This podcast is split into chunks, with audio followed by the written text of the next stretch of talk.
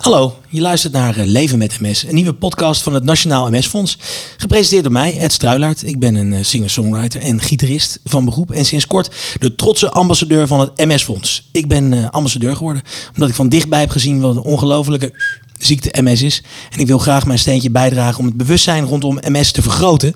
Ik praat in deze podcastserie met mensen die iets hebben met MS. En in aflevering 2 praat ik met Hanneke Hulst.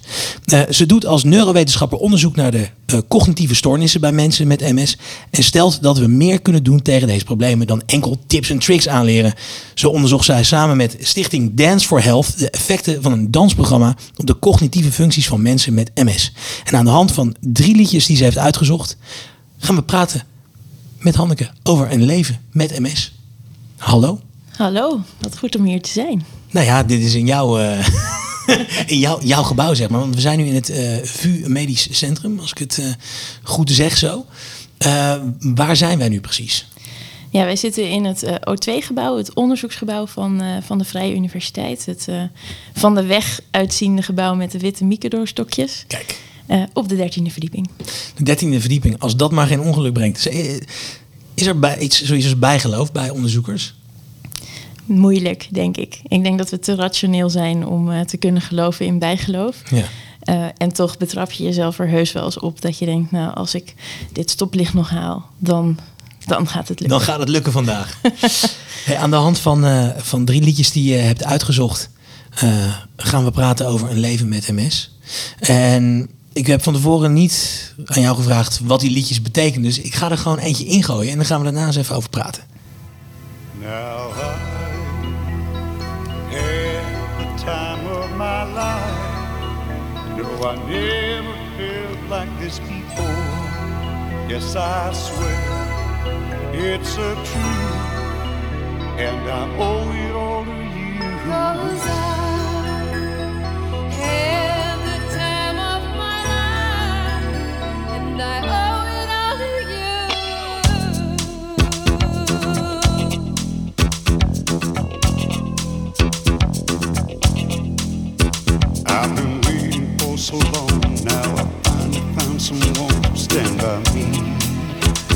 natuurlijk niet het hele nummer draaien, want mensen kennen het natuurlijk wel. Het gaat mij vooral om de verhalen erachter. Uh, Bill Medley en Jennifer Warren.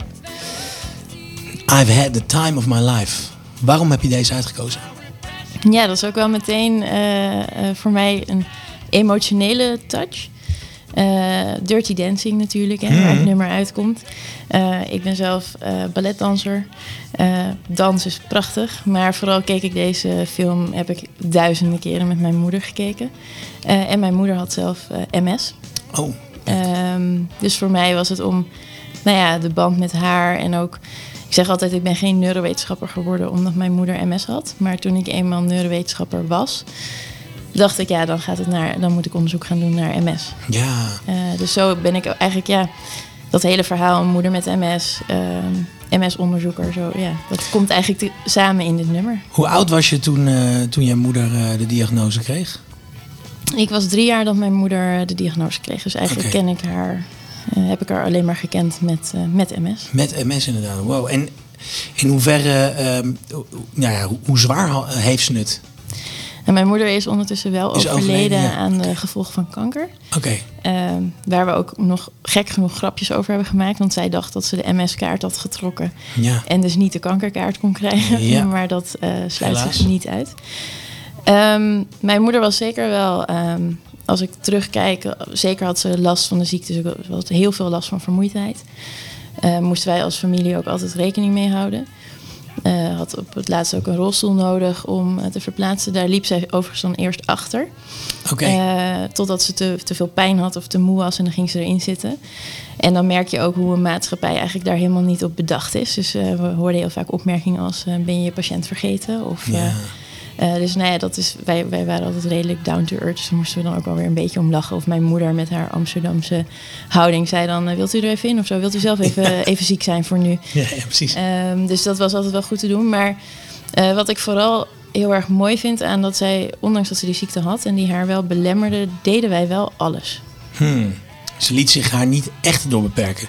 Nee, of je zocht voor alternatieven. Dus uh, balletvoorstellingen. Uh, ja, je kan ook naar een matineevoorstelling als de avondvoorstelling te vermoeiend is. Ja. En ja, natuurlijk als puber denk je wel, ja, ik wil helemaal niet in de middag naar een voorstelling, ik wil dat in de avond. Maar achteraf, nu als volwassen vrouw, denk ik, ja, we deden het wel allemaal. Want was je moeder zelf ook uh, actief als danser? Of? Nee, nee, ze was wel heel erg supportend. Ja, maar ze heeft het zelf nooit gedaan. Ze kon het wel waarderen. Oké. Ik kan me voorstellen dat het inderdaad toch een drijfveer is om de code te kraken, denk ik, van MS. Is het ook een soort van code die gekraakt moet worden? Ja, ik zie, ik zie het zelf altijd als een soort puzzel. Hè? Dus uh, we zijn met, met alle MS-onderzoekers een, een puzzel aan het maken, maar we weten eigenlijk niet hoe die eruit moet zien. Dus waar je normaal puzzelt aan de hand van een voorbeeld, heb je nu een puzzel uh, waar je de stukjes neerlegt en hoopt dat ze passen. Um, voor mij, ik doe natuurlijk naar een heel klein stukje. Ik kijk echt naar de cognitieve stoornissen van MS. Dus dan hebben we het over geheugen, aandacht en concentratie. Ja. En wat ik wel zag is, ehm, in het geval van mijn moeder, om te kunnen lopen, als dat niet lukt, dan heb je een rolstoel of een rollator of een hulpmiddel. Maar toen zij echt problemen kreeg met haar cognitie en haar denkvermogen, dan is er geen hulpmiddel. Er is niet een stok voor kunnen nadenken of een, een rollator voor geheugen. Uh, en dat vond ik eigenlijk heel schrijnend. Dus als je het hebt over drijfveren, toen dacht ik wel, dit moet meer op de kaart. Want dit is eigenlijk wat je als mens nog meer aantast dan de, dan de lichamelijke problemen. Ja, en um, ja, jouw moeder. Um, hoe, want ja, dat, het, ziektebeeld verloopt vrij grillig. Of kan grillig verlopen natuurlijk bij, bij veel mensen. Heeft zij nog eh, last gehad van, van, van soeps op het moment dat jij aan het opgroeien was? Is zij achteruit gegaan of was het vrij stabiel bij haar? Nee, zij had zeker soeps. Zij is ook wel opgenomen geweest voor de zogenaamde prednisonkuren. Ja. Uh, ik, herinner me, ik herinner me ze zeker niet allemaal. Ik herinner me er eentje dat ik heel graag naar haar toe wilde, maar zij te moe was om ons te zien. En ik maar niet begreep waarom we daar niet heen konden. Dus dat was als kind. En dan was ik klein hoor, was ik denk een jaar of zes. Ik begreep gewoon niet waarom mogen we niet mama opzoeken. Die ligt alleen in dat ziekenhuis. Maar dat zij echt moest zeggen van ik ben nu te moe om mijn eigen kinderen te zien. Dus die fase hebben we zeker gehad. Uh, maar zij is uiteindelijk in de secundair progressieve fase terechtgekomen. Uh, waarvan wij ook in het gezin zeiden, eigenlijk is deze fase voor het gezin prettiger. Ja, we zien nog steeds dat je langzaam achteruit gaat, maar het gaat niet meer met die ups en downs. Kun je dat nog eens uitleggen voor mensen die nu naar dit luisteren en nog niet zo bekend zijn met, met, het, met het fenomeen MS? Ja, dus uh, het grootste deel van de mensen met MS uh, komt in de relapsing-remitting fase van de ziekte terecht. Dat is een periode waarin de ziekte gekenmerkt wordt door de grilligheid, dus tussen terugvallen, periodes van herstel, onzekerheid. Wanneer komt de volgende terugval? Hoe lang gaat die duren? Ga ik volledig herstellen? Dat houdt vaak een, een aantal jaren aan. Uh, daarna worden die terugvallen eigenlijk steeds minder frequent en zie je eigenlijk meer een soort ja, langzame, graduele achteruitgang. En dat noem je dan de secundair progressieve fase. Oké, oké, ja, precies. Um, laten we het tweede liedje er gelijk even bij pakken. Oké. Okay. Kijken, het duurt even voordat hij start. Ja, daar is hij. Duurde net niet te lang. Oh, sorry hoor. Slechte grap. Moet kunnen af en toe. Davina Michel met Het duurt te lang.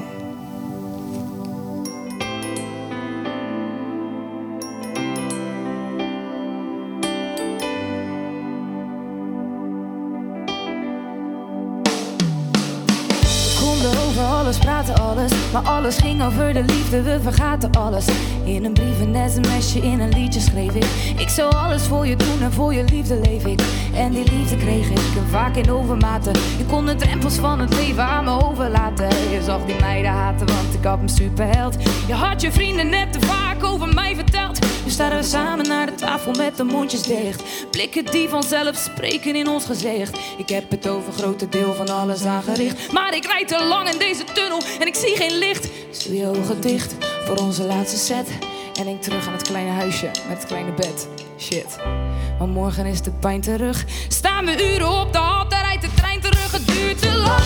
We staan hier al een tijdje en we moeten door. Dus voor de laatste keer, het spijt me, het duurt te lang.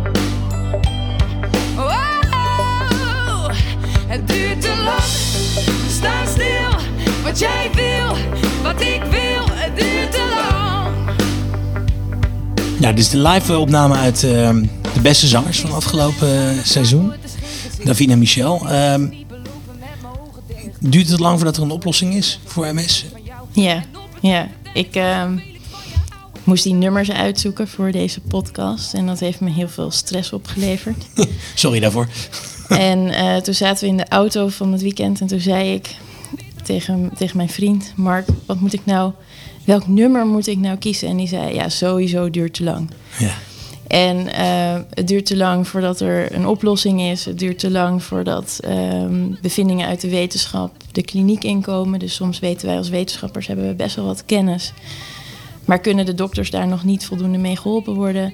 Nou ja, en gewoon heel eerlijk ook een karaktereigenschap van mij. Alles duurt te lang. Ongeduldig. ongeduldig. het moet sneller, meer, beter. Ja. Als je mijn promovendi zou vragen, uh, als we een kenmerk moeten noemen, dat, dat ze zeggen ja, sneller. Het moet Ja, ja. sneller. Even Eh, doorgaan. Even doorgaan. Ja, even doorpakken. Is het dan niet onwijs frustrerend om eh, onderzoek te moeten doen eh, naar, naar, naar dit? Ja. ja, misschien wel. Maar ook tegelijkertijd, als ik dan heel eerlijk terugkijk, ik doe dit werk nu ongeveer na twaalf jaar.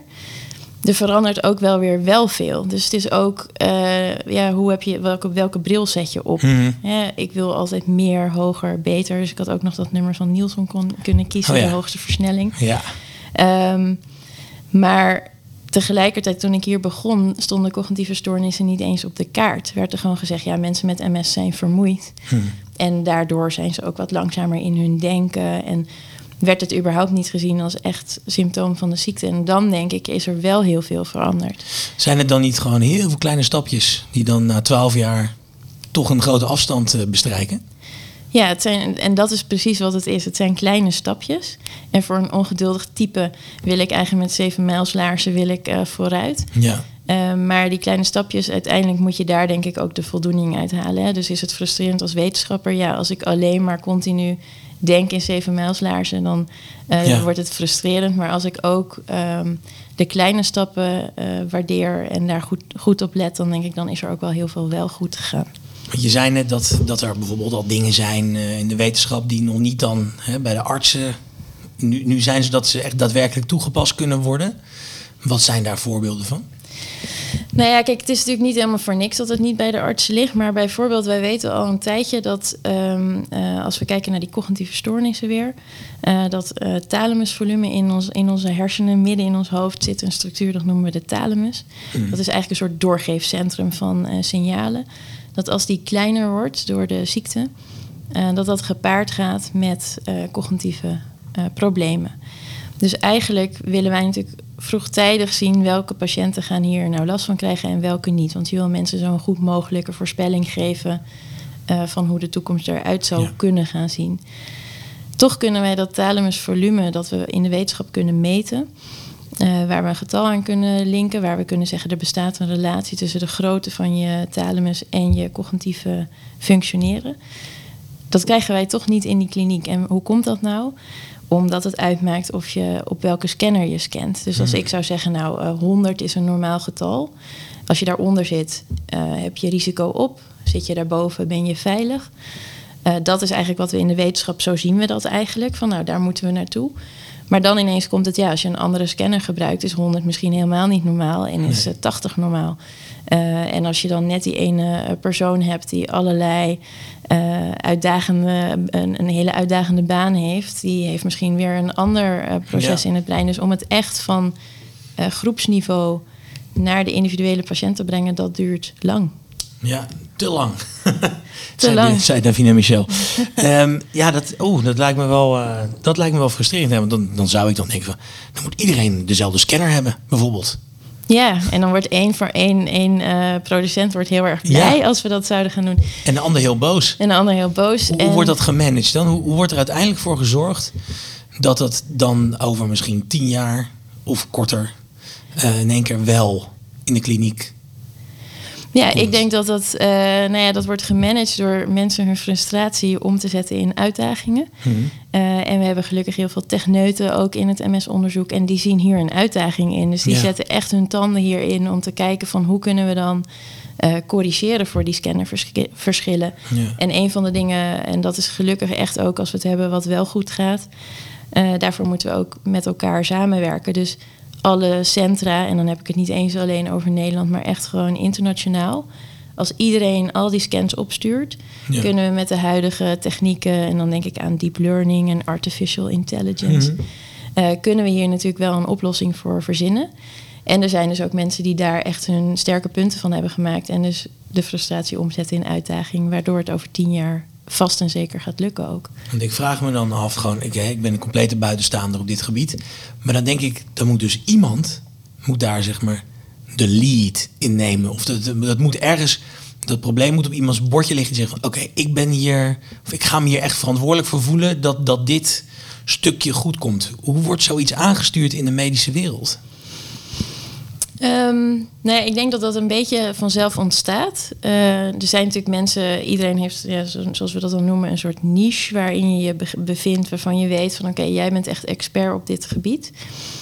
Eh, en wat ik doe in het geval als ik zoiets zie en denk voor die cognitie is dit echt heel erg belangrijk, dan zoek ik zo iemand op van dat ik zeg, hey, jij bent expert in die technische eh, computermodellen en om dat te versterken, dit is ons probleem. Zou jij dat eigen willen maken? En dan vind je mensen, soms in je eigen centrum en soms buiten je eigen centrum, die zich daar ook voor gaan inzetten. En is het dan niet zo dat, eh, ik zit gewoon even een beetje te filosoferen, dat bijvoorbeeld mensen in het buitenland, bijvoorbeeld eh, de Hanneke Hulst uit Japan, die ook onderzoek doet naar MS, dat die dan ook met datzelfde bezig is, maar dan net iets anders, dat je elkaar toch in één keer in de weg zit, Ge- ge- gebeuren dat soort dingen ook? Of hoe probeer, waar ik een beetje naartoe is, hoe kan je dat zo gestroomlijnd mogelijk krijgen dat iedereen die eraan werkt de juiste kant op gaat? Ja. Nou ja, gelukkig hebben we internet. En eh, ik, ik, soms denk ik wel eens van hoe was het geweest als ik 30 Ja. jaar geleden wetenschapper was geweest. Ik had, kan me niet eens voorstellen. Dus we schrijven wetenschappelijke artikelen in het Engels. Die worden op internet redelijk snel gepubliceerd. Dus op dat moment is het eigenlijk voor alle wetenschappers eh, toegankelijk. Ehm, vroeger ging dat dus echt met post. Hè? Dus dan werd het met post in een tijdschrift afgedrukt. En dan moest Lancet een- bijvoorbeeld, toch? Ja, precies. ja. ja. Eh, maar wat, wat je ook moet voorstellen, en, en dan, ik blijf gewoon even bij mijn eigen niche, dus die Ja. cognitie, dat voel ik me prettig bij. Eh, we hadden onlangs een eh, congres hier in Amsterdam over cognitie bij MS. Dan komen alle mensen uit de wereld die hiermee bezig zijn. En dat zijn er 118. Dus dat zijn er niet zoveel. Dus die ken ik nou ja, Ja. bijna allemaal bij naam. En in die zin denk ik ook dat dit ook misschien een voorbeeld is van een werkveld waarin wat redelijk beperkt is. Of beperkt in aantal. Eh, dat wij gewoon ook heel veel samenwerken. Dus Ja. toevallig zat ik gisteren met mijn Amerikaanse collega's eh, op de Skype. Van hé hey jongens, eh, kunnen wij misschien samen een studie opzetten dat wij hier in Amsterdam mensen meten, jullie in Buffalo, een andere groep bij New York. En dat we dat met elkaar combineren en echt kijken van dat we het beter gaan doen met elkaar.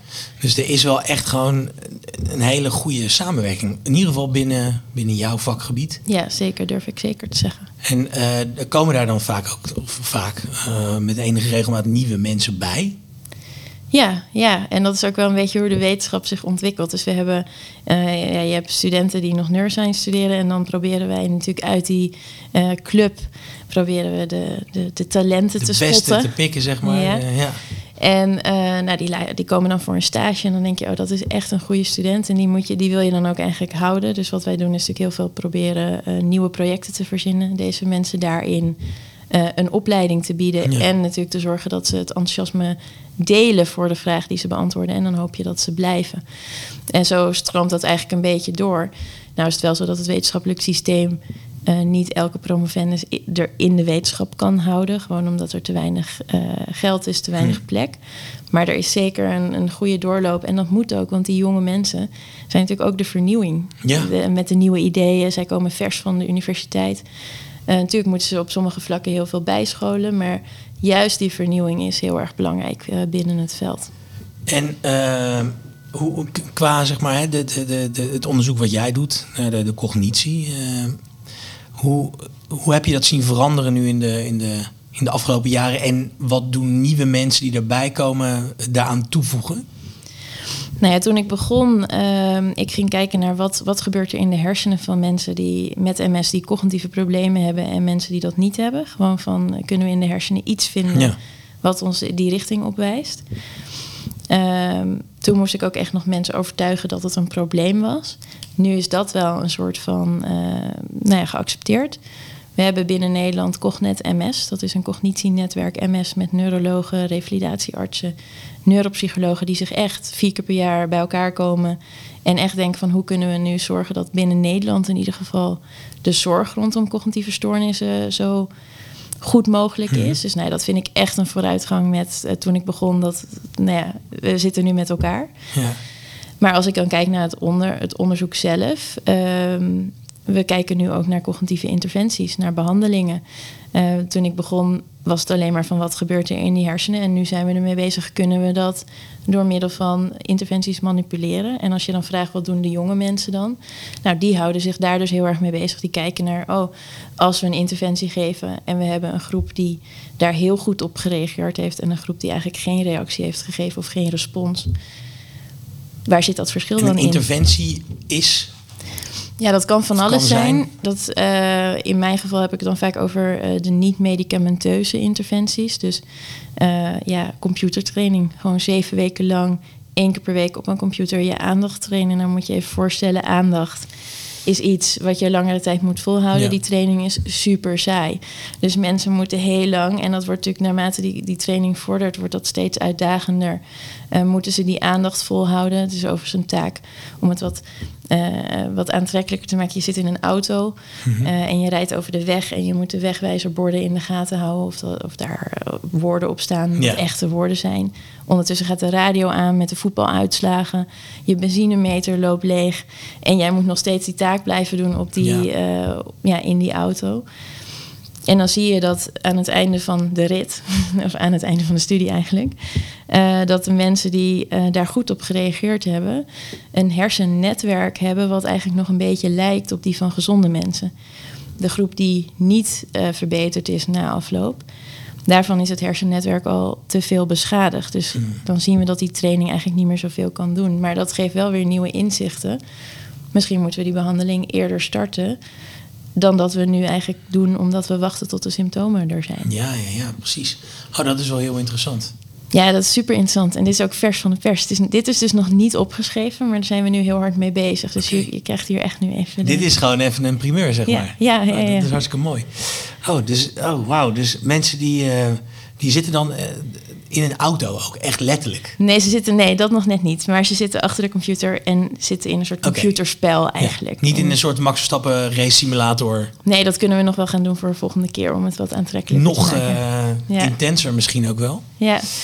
Nou ja, en wat ik dan heel erg belangrijk vind, als ik kijk naar dit soort. eh, ik heb ook gekeken naar de effecten van dans. Ehm, maar ook de effecten van als je je voorhoofd, dus zeg maar achter je voorhoofd, daar zit een gebied dat heel erg belangrijk is voor je werkgeheugen. Dat kan je door middel van transcraniële magnetische stimulatie, moeilijk woord. Ja, ik ben het nu Eh, alweer vergeten, maar gelukkig is het opgenomen. Kort is het TMS. Ja. Eh, daarmee kan je kleine eh, pulsjes geven aan de hersenen. om ook te kijken of je de hersenen actiever kan maken. Dus dat hebben we ook uitgetest. Van als je dat doet, zie je dan inderdaad dat eh, dat brein verbetert. Ja, Ehm, en, en al deze losse dingen. dat- Ik ben vooral aan het kijken van hoe kun je nou een interventie, dus een, een soort model vinden wat mensen niet heel naar vinden om te doen. Hè? Dus eh, dans of inderdaad een computertraining die je op je eigen tijd gewoon thuis in je eigen huis kan doen. ja. Ehm, dat het ook een beetje makkelijk te doen is. Want het is natuurlijk ook wel. Ja, mensen zijn wel ziek, hebben al beperkte energie. Je wil ook daar een soort balans in vinden van Ja. wat is er nodig om je brein zo goed mogelijk te houden. Daarnaast kijken we ook nog wel naar effecten van medicijnen. Van zijn er bepaalde medicijnen die het geheugen of de cognitie beter ondersteunen dan andere medicijnen. Maar, Zijn die er? eh, nou ja, ik kijk dan vooral naar bestaande MS-medicatie. Dus mensen die krijgen dat sowieso om hun eh nou ja, ziekteactiviteit eigenlijk te onderdrukken. Dus om de ziekte te remmen. Eh, en wij proberen daarin een soort onderscheid te maken. Dus als je een patiënt hebt met meer ehm, neiging tot cognitieve stoornissen, zou het ene middel dan ehm, beter zijn dan het andere middel. Daar heb ik de antwoorden, daar heb ik de primeur nog niet. Nee, dat onderzoek loopt dus nog. Dat loopt nog, ja.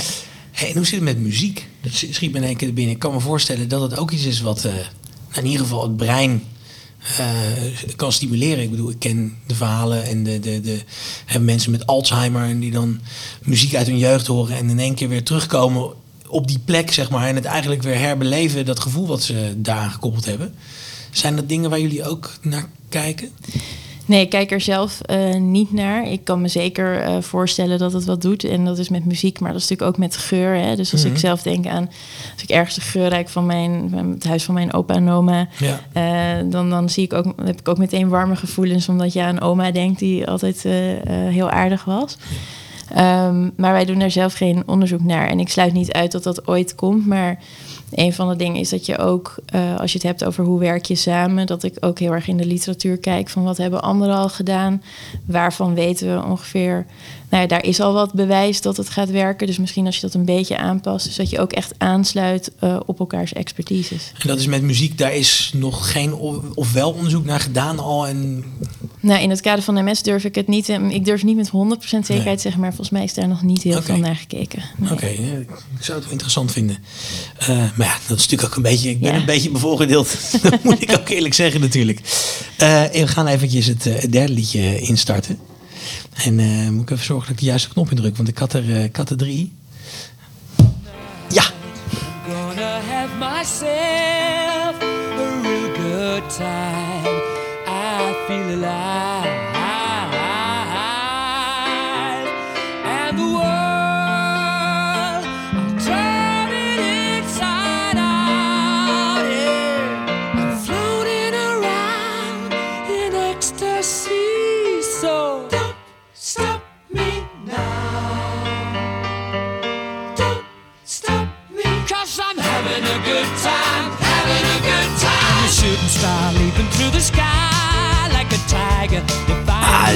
Fijn liedje. Ja. Is toch geweldig. Queen, natuurlijk. Dat weet iedereen. Don't Stop Me Now. Is dat omdat jij zoiets hebt van... Hé, hey, ik begin net. Ik begin net een beetje warm te draaien, jongens. Kom op, Don't Stop Me Now. Ja, en dat, maar ook um, nog meer vanuit de patiënt geredeneerd eigenlijk. Van, het zijn mensen die de diagnose MS krijgen, zijn gewoon heel erg jong. En ik vind gewoon, ja. je mag ze niet stoppen. Nee. Zij moeten, of zij moeten, wij als wetenschappers moeten kijken hoe we ervoor kunnen zorgen dat zij zo lang mogelijk gewoon mee kunnen blijven doen in die maatschappij. Dat ze ziek zijn, dat is één ding. Maar hoe kun je er dan voor zorgen dat uh, kwaliteit van leven zo hoog mogelijk blijft? Dat je kan blijven werken dat je werk aangepast kan worden, maar niet dat je, maar niet dat je gestopt wordt in je dromen, in je toekomst. Nee, want ja, dat is natuurlijk. Ik heb nog een aantal vragen die, ik- die ik je wil stellen. Hè. Zeker eh, met betrekking tot eh, cognitie.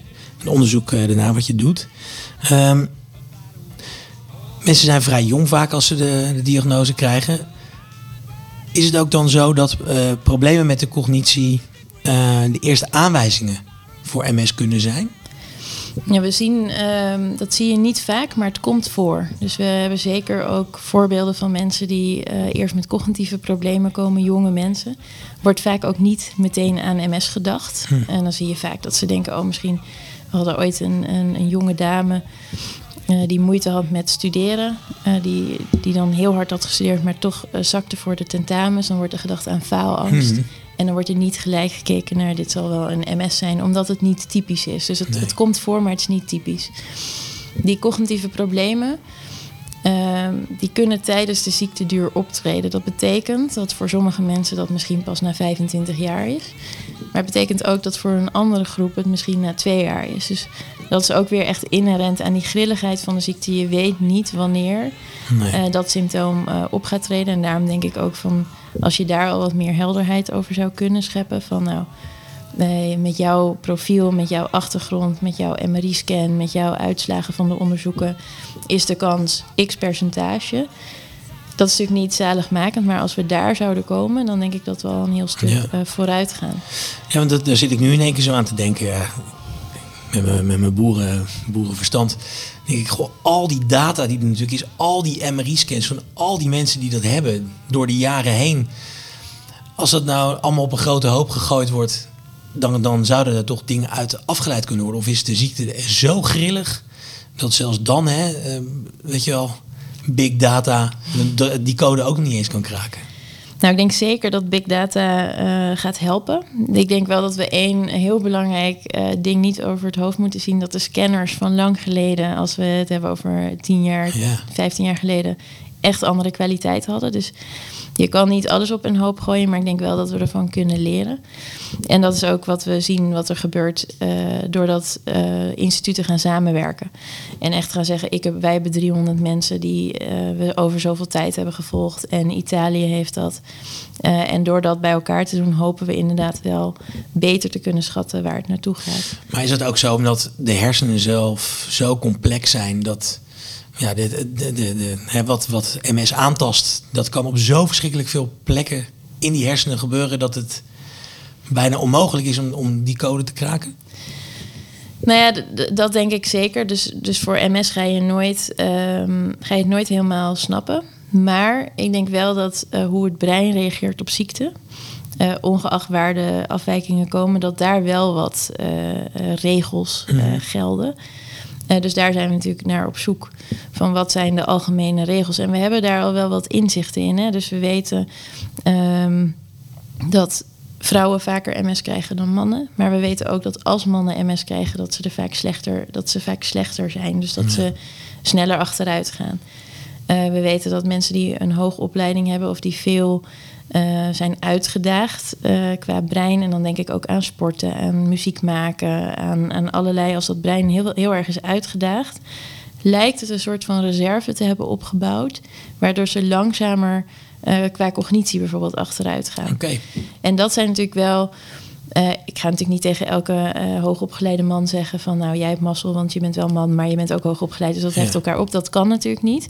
Maar het zijn wel aanwijzingen van uh, om al te kijken van wie zijn nou de mensen die snel achteruit gaan en wie ja. zijn de mensen die wat, een wat gunstiger Je probeert hebben. toch iets van een lijn te vinden in, ja. in alles, kan ik me voorstellen. En ja, je zegt inderdaad bewegen, belangrijk. De MS-fonds promoot dat ook heel erg natuurlijk. Um, het fit houden van je hersenen. Hoe, hoe kunnen mensen met MS daar iets mee doen?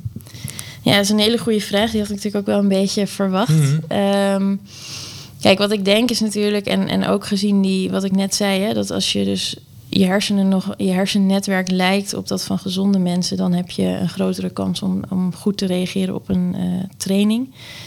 Dat ik eigenlijk denk dat zodra je de diagnose krijgt, dat je eigenlijk moet kijken van hoe kan ik zo gezond mogelijk leven. En dat is natuurlijk eigenlijk heel. Klinkt een beetje suf, want dat geldt voor iedereen van ons. Alleen mensen die gezond zijn, staan er niet zo bij stil dat dat morgen ineens anders kan zijn. Ja. Maar ik denk dus aan hele simpele dingen. Blijf bewegen. Blijf jezelf cognitief uitdagen. Mocht het op je werk niet lukken, probeer een nieuwe uitdaging te zoeken. Misschien uh, niet als manager van, maar misschien uh, in, een, in een vrijwilligerswerk waar je wel je uitdaging vindt. Dus blijf bezig. Blijf jezelf uitdagen en blijf ook altijd. Ik moet ook meteen aan mijn sportcoach denken. Ik denk dat hij nu heel trots op mij is.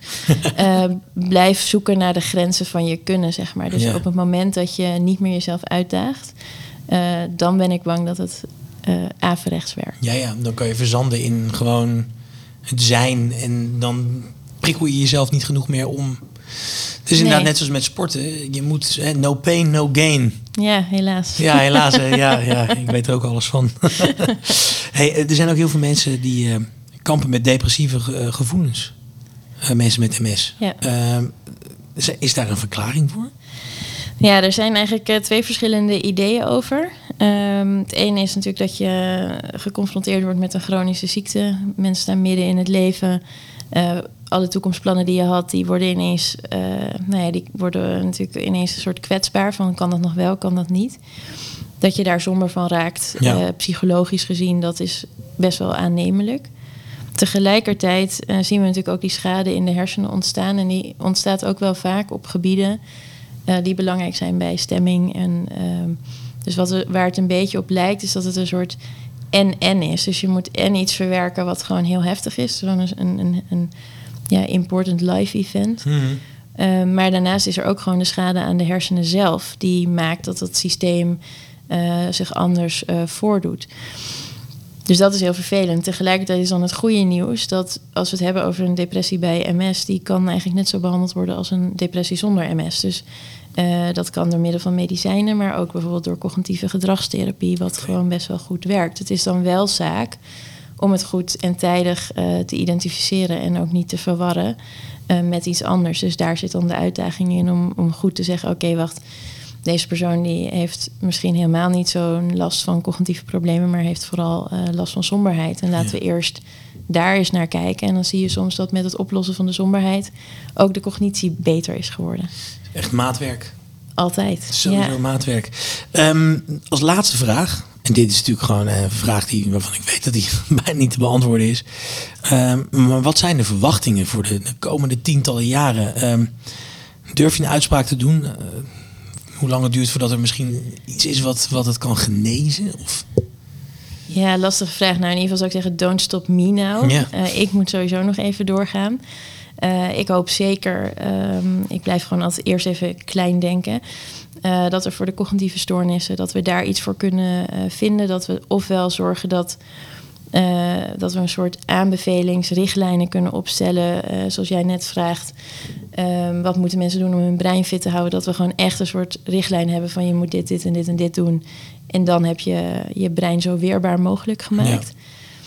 Uh, dat wil ik echt over vijf jaar hebben. En ik wil ook heel graag dat een van de geteste interventies op dat moment uh, voorgeschreven kunnen worden door een neuroloog. Dat het dan misschien nog niet vergoed wordt door de zorgverzekeraar. Dat laat ik even in het midden. Maar uiteindelijk hoop je natuurlijk ook dat het gewoon echt onderdeel wordt van. Uh, als het gaat over de, de oplossing van, van MS of, of het, het genezen van MS, dat vind ik een hele lastige vraag. Ik weet dat. Um, nou ja, mijn, mijn leidinggevende, mijn promotor Jeroen Geurts, die heeft enige tijd geleden gezegd dat hij elf jaar nodig zou hebben om de oorzaak van MS te vinden. Volgens mij heeft hij nog zeven jaar te gaan. Uh, dus we zijn, al, uh, we zijn al een beetje onderweg. Uh, maar dat betekent, dan weet je misschien wat de oorzaak is. En dan moet natuurlijk de genezing nog plaatsvinden. Dus ik vind het moeilijk om in, in tijdspannes te praten. Het enige wat ik wel denk is, alle wetenschappers die bezig zijn, st don't stop them now. Nee. Want ze zijn wel echt onderweg. Ja, en is er nog, uh, nou ja, er is denk ik altijd geld nodig, hè? Toch? Dat is voor onderzoek of hoe.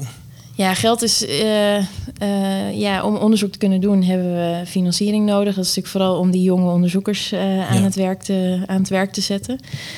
dat is een uitdaging. Dat is een uitdaging in het Nederlandse systeem, waar de, de aanvraagdruk echt heel erg hoog is. Mm -hmm. De gemiddelde toekenning, om een idee te geven, is 15% kans van slagen. Zo. Dat betekent dat je 85% hebt om het niet te krijgen. Ja. Uh, maar goed, wij zijn eraan gewend. Dus die, uh, wij gaan daar gewoon voor, zelfs voor die 15%, om het beste van het beste te leveren. Um, maar geld is nodig om vooruit te kunnen. Het is belangrijk Zonder dat mensen, mensen blijven, blijven geven aan, aan bijvoorbeeld het MS-fonds. Ja, ja, nou ja, daar kunnen wij nieuwe projecten mee opzetten. En dat doen we natuurlijk het liefst gewoon het opvolgen van de resultaten die we net hebben gevonden. En ja, elk stapje vooruit helpt. En dat, daar is gewoon geld voor nodig. Ja. Nou, Hanneke, dank je wel uh, voor de gastvrijheid en voor jouw uh, drie liedjes. Um, um, ja, mocht je het nou leuk vinden, dan raad ik je aan om je te abonneren in je favoriete podcast-app op Leven met MS. Het zou ons ook heel erg helpen als je een review achterlaat in je favoriete podcast-app. Um, deze podcast is mede tot stand gekomen door het Nationaal MS-fonds. Dankjewel voor het luisteren en tot de volgende Leven met MS.